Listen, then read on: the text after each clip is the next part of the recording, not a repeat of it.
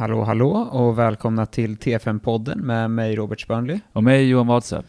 Ja, välkomna till den första delen i vår serie om hjärtsvikt som går av stapeln nu.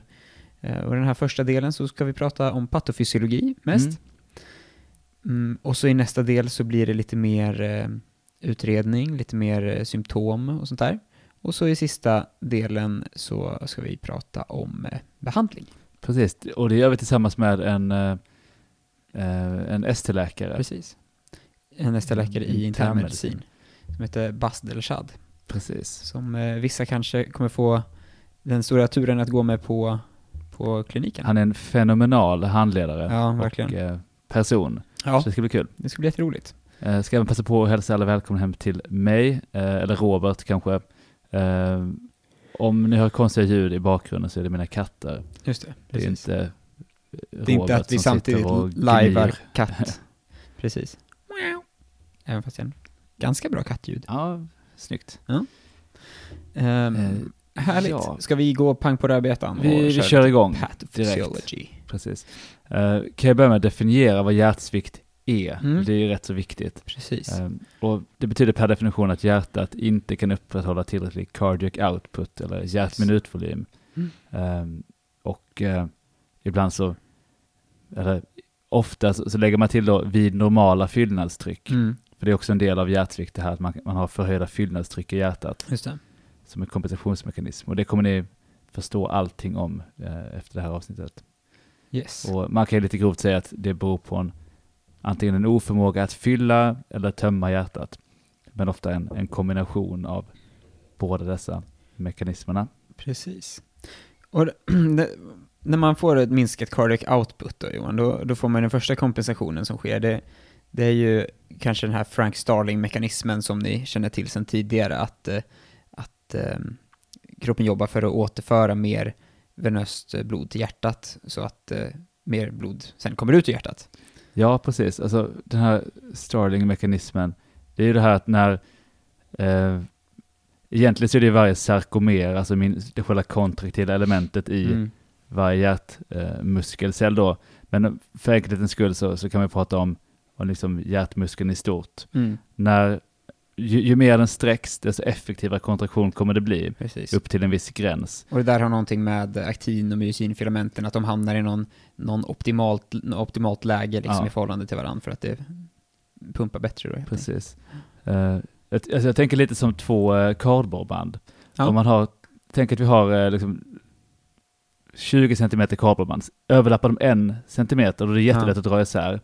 Men om de överlappar eh, ännu mer, 5 centimeter, då Ja. är det jättesvårt att dra isär för att Ja, det just är det. mer sådana här huvuden som interagerar. Ah, just Ja. det. Ja, något sånt Eh, där är det kanske. Men eh, i vilket fall, det här, det här innebär ju att om det kommer mer blod till hjärtat så pumpas det ut mer blod. Ja, exakt. Och det, det går ju eh, åt det hållet, alltså ju mer blod du fyller på hjärtat med, desto mer pumpas det ut tills det inte gör det mer, utan att du har dragit ut dem till sitt optimala läge och, ehm, och där kommer liksom den här kurvan plattas av och eh, eh, hjärtat kan inte liksom ehm, öka cardiac output mer, trots att man fyller på med mer blod. Ja, Och till slut så kan den till och med börja gå neråt, den här kurvan. precis. Det är Mm. lite som ett gummiband, om man sträcker ut det eh, mycket så kommer det sn- snärta ihop jättehårt. Mm. Drar man ut det ännu längre så kommer det till slut börja liksom nästan gå sönder Ja, och precis. inte vara så elastisk längre. Precis, det blir liksom st- ja, statiskt Ja, typ. återigen, det här är en, en förenkling, men Ja. det är en, en bild. Om man vill visualisera sig. Precis. Ehm, men det finns lite andra mekanismer som, eh, som dras igång också. Mm. Ehm, men vi kan börja med att bara snabbt gå igenom eh, tre stycken begrepp som är lite centrala. Eh, det, är, ehm, det är de här sakerna som hjärtats slagvolym beror på, och det är preload, afterload och kontraktilitet. Så hjärtats slagvolym beror alltså på preload, afterload och kontraktilitet. Och preload då, eh, det kan man säga är, eh, ja, men, för, lite förenklat kan man väl säga fyllnadstrycket i hjärtat, eller det slutdiastoliska trycket i hjärtat kan man säga. Ehm, hur, hur liksom sträckt och utspänt hjärtat är i slutet av diastole.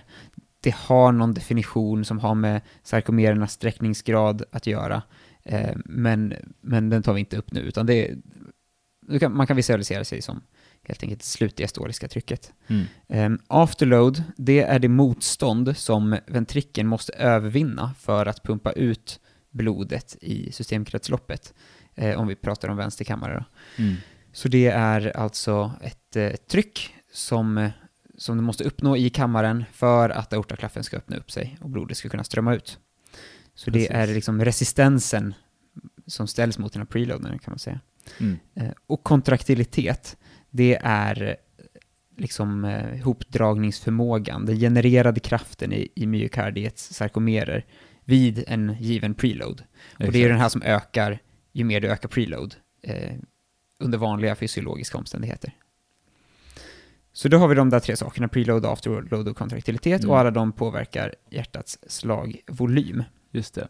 Och jag ska bara säga det att det här är ju repetition om man har läst eh, grundläggande fysiologi, men Ja, eh, cardiac output eller hjärtminutvolym, det är alltså slagvolymen gånger hjärtfrekvensen. ja precis. Eh, så genom att öka cardiac output då kommer jag antingen öka slagvolymen eller hjärtfrekvensen eller båda delarna. just det. Och eh, vid hjärtsvikt så, så försöker man ju, eller man, kroppen, eh, kroppens kompensationsmekanismer eh, agerar på, på båda de här parametrarna. Ja, precis. Ehm, och eh, just i svaret då, cardiac output eller hjärtminutvolym, det får man ju i då i, i eh, volymenhet per minut. Mm. Yes. Och ehm, de här mekanismerna som sätts igång då, om vi säger att man får hjärtsvikt, då får man minskat cardiac output och då så försöker kroppen att, att åtgärda det här genom att eh, öka, öka det venösa återflödet till hjärtat eh, och öka eh, frekvensen. Så man Mm. försöker öka hjärtminutvolymen genom att öka preload, kontraktilitet, få ut mer blod och genom att öka hjärtfrekvensen. Eh, så man, man drar ju ganska snabbt igång då eh, sympatikusaktivering Mm. Eh, och det blir då en, en aktivering ehm, dels från nervändslut, eh, från sympatiska grä- gränssträngen som, eh, som, aktiver- som frisätter eh, noradrenalin Ja, direkt, direkt- på hjärtat. direkt liksom. på hjärtat. Eh, Det blir en, en hämning av det parasympatiska aktivi- eh, aktiveringen via vagusnerven som vanligtvis liksom sätter bromsen på hjärtat, men nu då så kommer man minska på den aktiveringen. Eh, Men så kommer det även att släppa, frisättas eh, adrenalin och noradrenalin från binjurarna som gör liksom en eh, systemisk påverkan genom att kontrahera kärl, öka eh, hjärtats frekvens och kontraktilitet egentligen. Noradrenalin har ju en Mm. inotropeffekt också. Ehm, precis, så då har du eh, dels den här um, sympatikuspåslaget får man, Mm. så liksom frekvensen går upp. Eh, men så har du också en, eh, en, eh, en aktivering av RAS-systemet. Exakt. Eller Ra- RAS. RAS, exakt. Ja. RAS-systemet. För S i RAS står ju för system. Så. Precis. Så det blir som Eh, chai-te. Ja, men exakt. Ja. exakt. Eh, ja, nej men eh, det är ju renin, angiotensin, aldosteronsystemet då som Mm. eh, aktiveras i njurarna. Så när man får eh, sänkt perfusion av njurarna så kommer de eh, svara, de vill ju öka perfusionen till sig och Mm. det gör de då dels genom, vi ska inte rep- repetera hela systemet, men mekanismerna i kort är att man försöker eh, öka, mängd, alltså öka plasmavolymen, hålla kvar natrium och eh, vatten Just det. eh, via aldosteron, men även angiotensin har den effekten, Mm. att behålla eh, natrium och vatten i kroppen. Precis. Angiotensin 2 framför allt. Det finns tydligen, var det fem angiotensiner? Ja, jag tror det. Men angiotensin 2 är den, den mest eh, En nyckelspelare. ja, nyckelspelaren. Mm. Eh, det är en, en kraftig eh, vasokonstriktor, så det drar ihop blodkärlen. Just det. Eh, och har en massa andra effekter också, stimulerar törst och Mm. påverkar även det, natrium och, och vatten, det. resorptionen. Ja.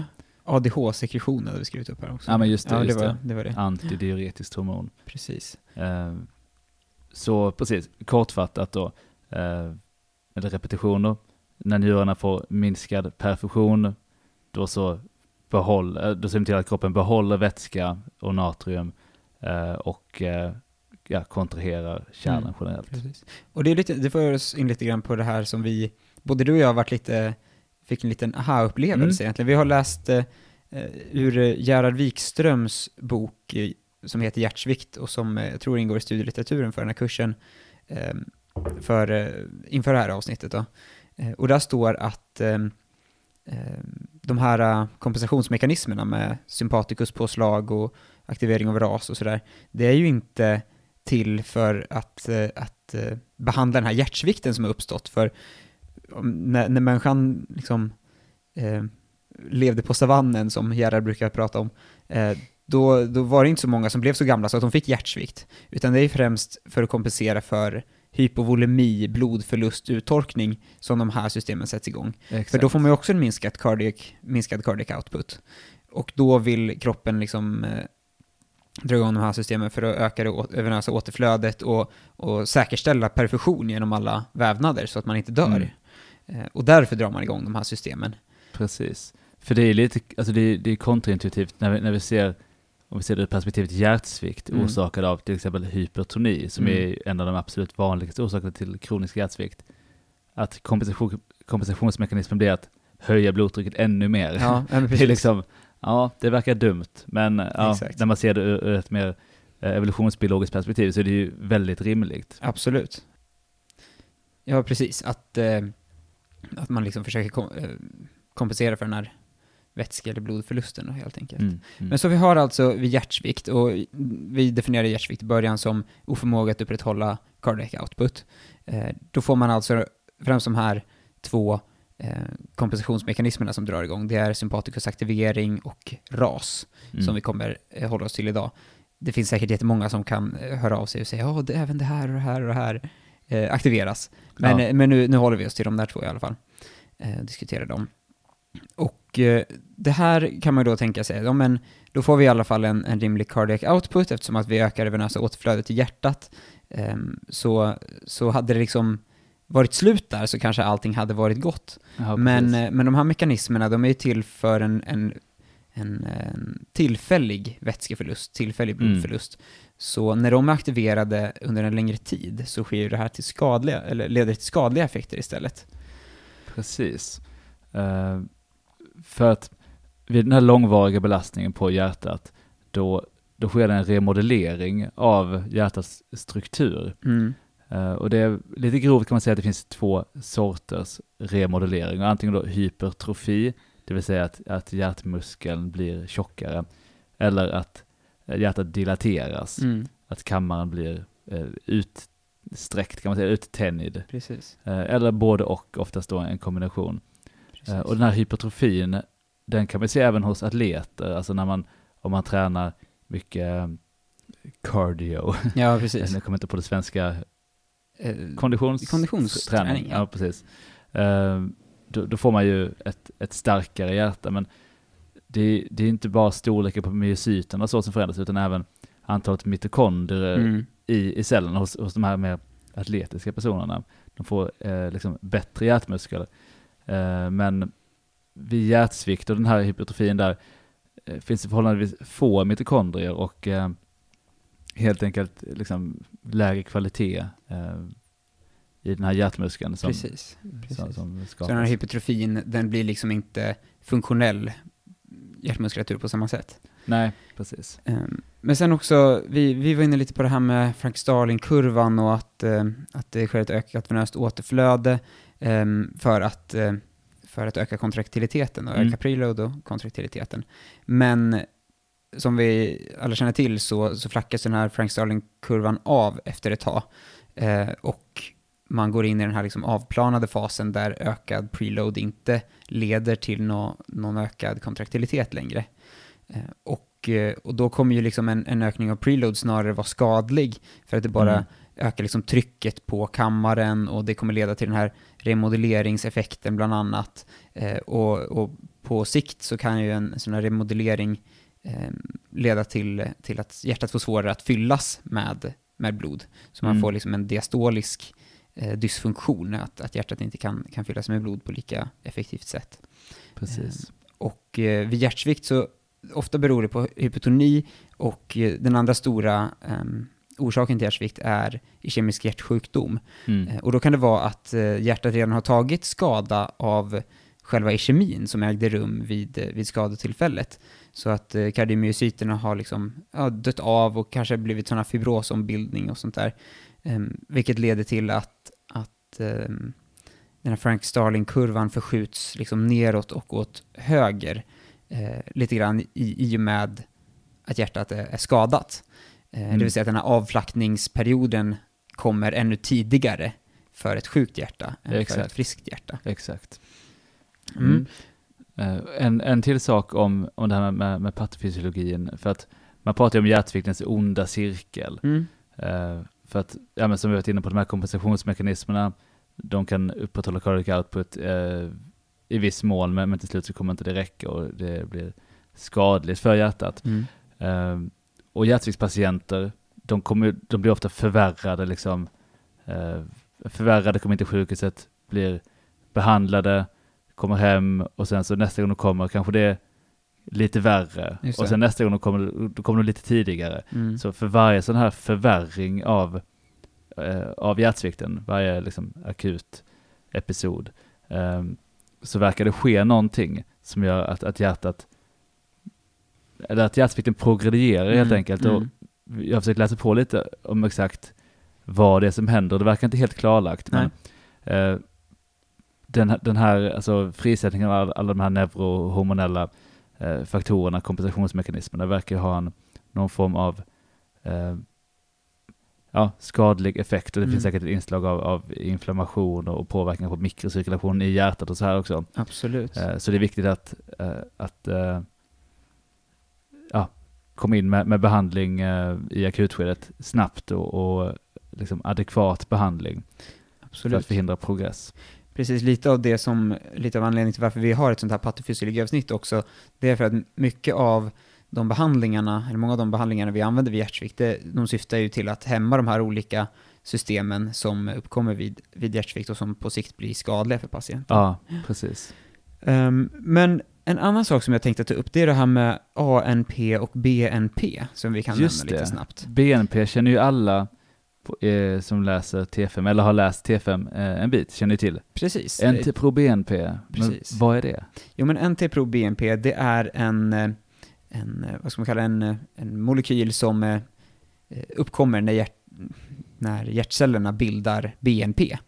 Och BNP och ANP, det står för, eller NP i de här två förkortningarna står för natriuretisk peptid. Eh, och eh, A1 står för atrium tror jag och B står för antingen brain eller B-type. Hur som helst, de här två peptiderna, de bildas när förmaken och kamrarna dilateras eller spänns ut. Mm. Så vid liksom mekanisk utsträckning av hjärtmuskulaturen så bildas de här, de frisätts från kardiomyocyterna.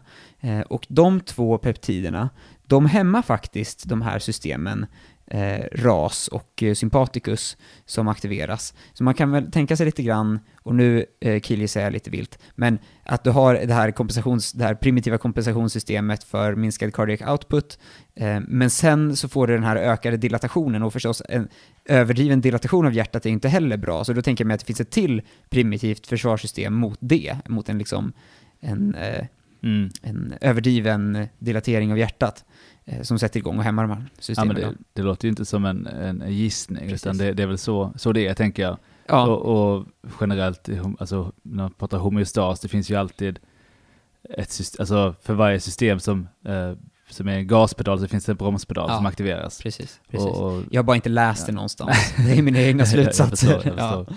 Ehm, du, du är ändå, eh, du har många högskolepoäng. ja, precis. Eh, nej men, ehm, då, ja, de här hemma är i alla fall RAS och eh, eh, Sympaticus, eller eh, angiotensin 2 egentligen och Sympaticus. Mm. Så, så de, är, de är ju rätt, rätt bra kan man tänka sig. Men de gör kanske inte superstor skillnad vanligtvis. Men en sak som man kan se och kan göra med dem, det är att man ofta följer då BNP, eller det här uh, biprodukten NT-proBNP, som kanske är lättare att mäta. Mm. Det använder man för att följa ehm, prognosen, eller eh, progrederingen av hjärtsvikt, hur den Precis. utvecklar sig, och används som prognostisk markör för att se hur, eh, hur ehm, ja, prognosen ser ut för de här Mm. patienterna. Så man kan använda det hos hjärtsviktspatienter och ta och jämföra med tidigare värden för att se om ja, men har det blivit bättre eller har det blivit sämre. Mm. Ganska bra. Har också högt negativt prediktivt värde. Om det är helt normalt, då har man sannolikt inte hjärtsvikt. Ja, just det. Precis. Och gränsen går där kring 300-400 någonstans, är det inte så?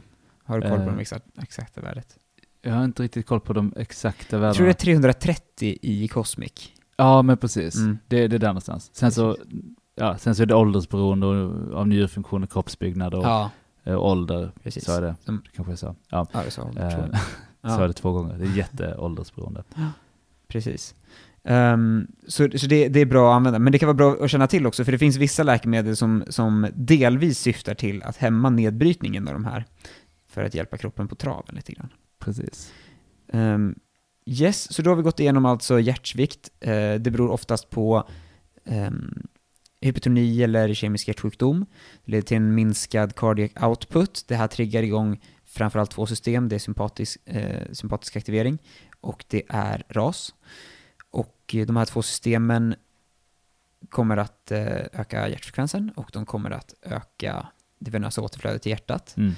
Och det här ehm, kommer på sikt att vara skadligt för hjärtat, bland annat genom att eh, hjärtat remodelleras och blir hypertroft eller dilaterat. Och man får skjuta den här Frank Starling-kurvan långt till höger. Till slut så kommer det att bli en, en negativ spiral av det här helt enkelt, som försämrar hjärtsvikten mer och mer. Mm. Och många av läkemedlen som vi ska gå igenom i del 3 av den här eh, avsnittsserien syftar till att hämma eh, de här eh, kompensationsmekanismerna. Exakt. Ja, och nästa avsnitt där kommer vi prata lite mer om olika typer av hjärtsvikt. För att en sak som gör hjärtsvikt rörigt när man pratar om det kliniskt är att det finns väldigt många sorters hjärtsvikt kan man Mm, säga, eller sätt, många. att, att klassificera det. Mm. Och eh, vissa av dem är mindre viktiga i akutskedet, vissa är väldigt viktiga i akutskedet. Så vi kommer reda ut det lite mer nästa gång Mm. vi hörs. Bra, men då tackar vi för oss så mycket. Uppmanar er såklart alltid att eh, mejla in frågor, synpunkter, förslag till t5podden gmail.com. Och eh, med det sagt så eh, tackar vi för oss och så Ja. ses vi nästa gång. Det gör vi. Ja, hej!